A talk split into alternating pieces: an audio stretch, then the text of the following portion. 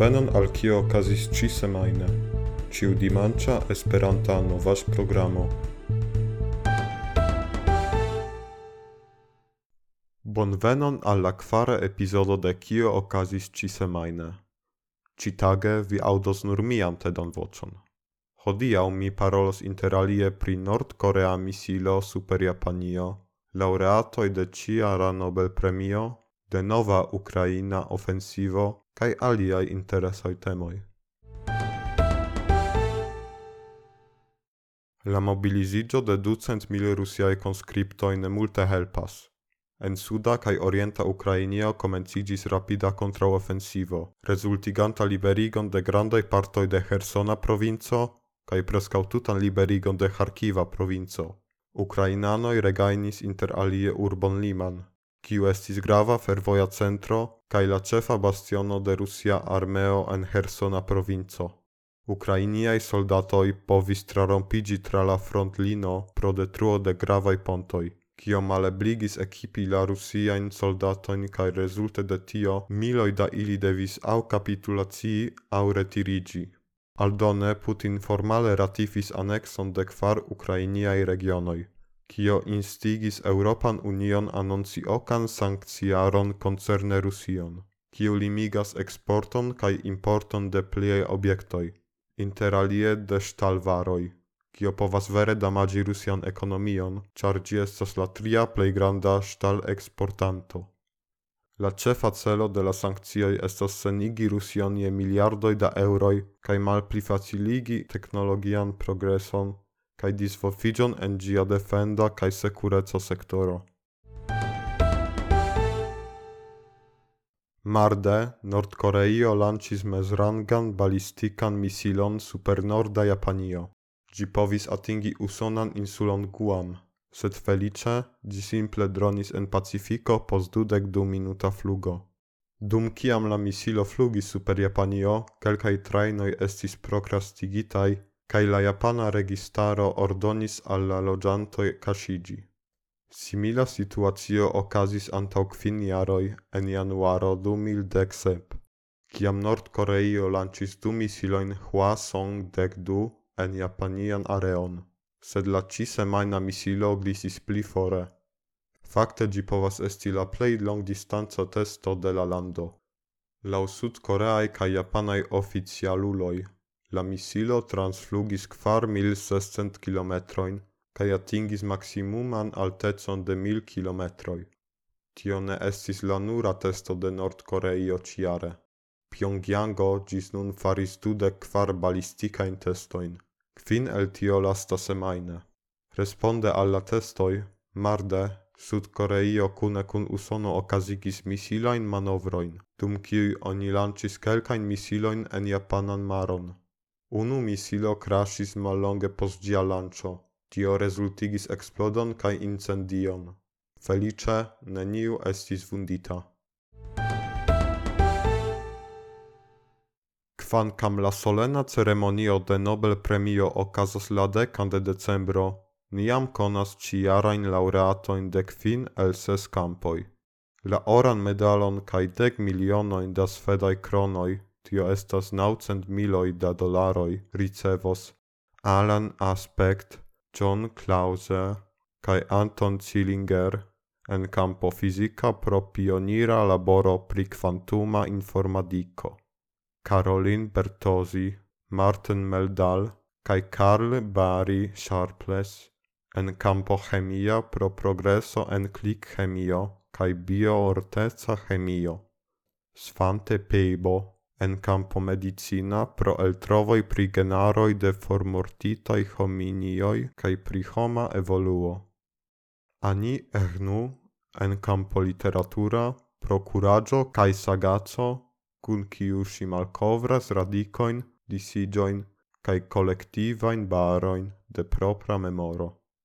Ales Bialacki cae organizajoi Memorial cae Center for Civil Liberties en campo paca, pro longdaŭra reprezentado de civila socio en siaj patrujoj. Komenciĝas kvara semajno de la tutlandaj iranaj protestoj. Virinoj senĉese marŝas surstrate kaj fortranĉas siajn hararojn por montri sian oponon al la irana registaro. Centoj da lernejanoj kaj studentoj ĉesis frekventi lecionojn por protesti.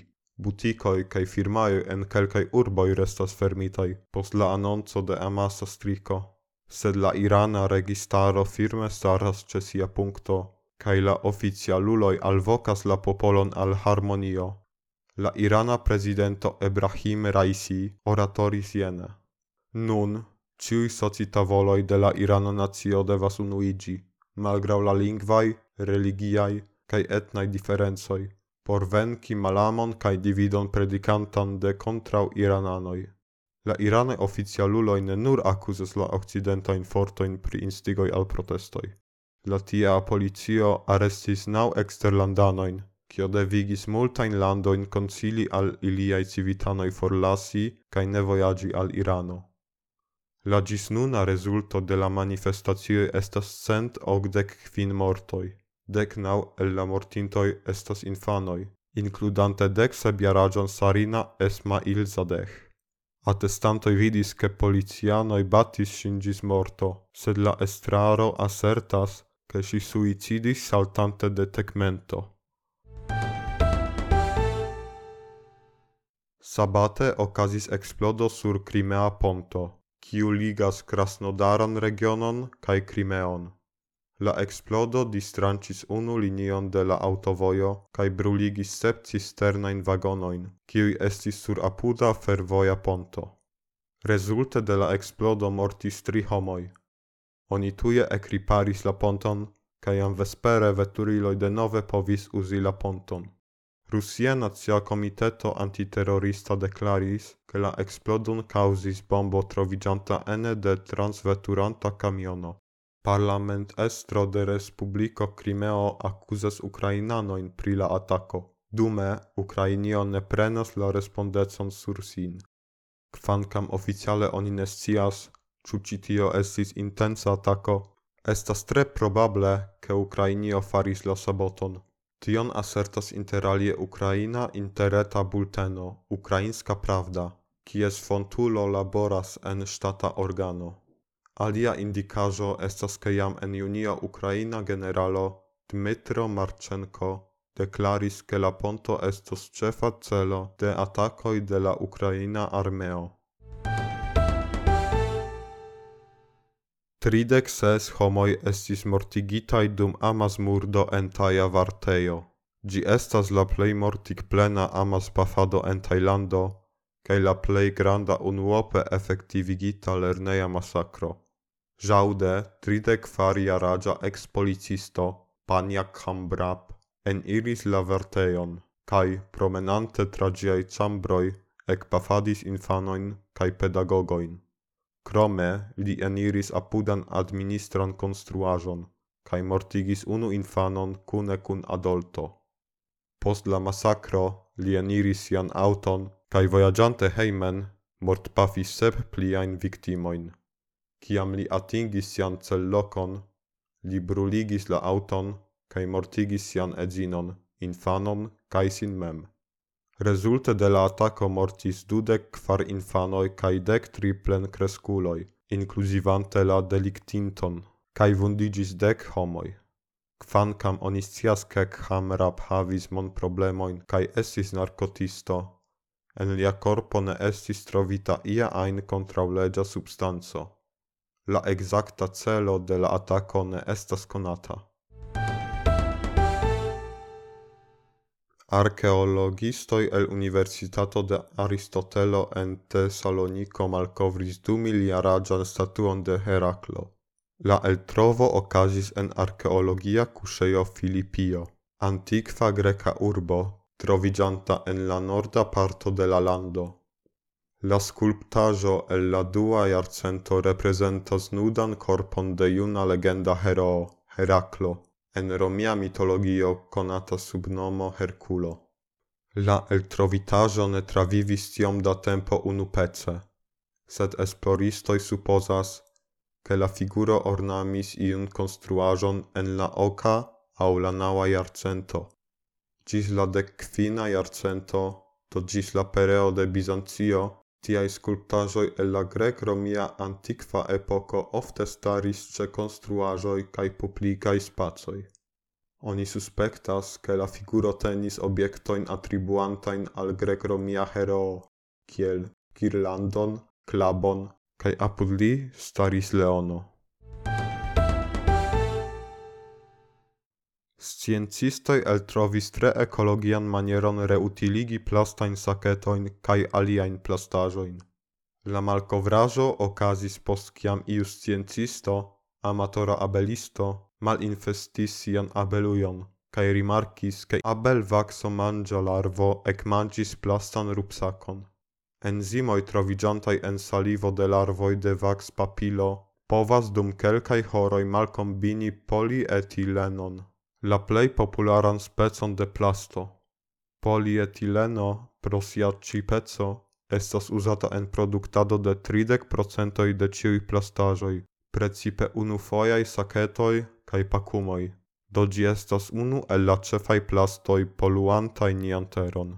Nun la nura maniero recikligi ĝin estas reuzi ĝin por produkti malpli altkvalitajn varojn. Sed la chemia malcombino fare de la enzimoi povas resultigi utilain chemicajoin, au, post ioma prilaboro, novan bon qualitan plaston. Do la eltrovo povas malfermi pordon al malmulte costai manieroi recicligi la plaston. La lasta novajo concernas nian podcaston. Nome, ni creis konton ce Patreon, kie vi povas mone subteni nian laboron. Compense, vi scenaron de la elsendoi, havos raiton electi temoin de la estontai elsendoi, kai via nomo estos legita je la fino de niai elsendoi. Fakte, niem havas unu subtenanton. Nome Bradford Smith. Mi kiel Bradford exis pri la subteneblo, set cia okaze dankon pro via helpo. Do, se placas al vi podcasto, vipowa subteni nincze patreon.com suprenstreco jano eo. Ligilo alla conto trovigas ankaŭ en la prescribo. Dankon al vi pro aŭskultado kaj la venonta semaino.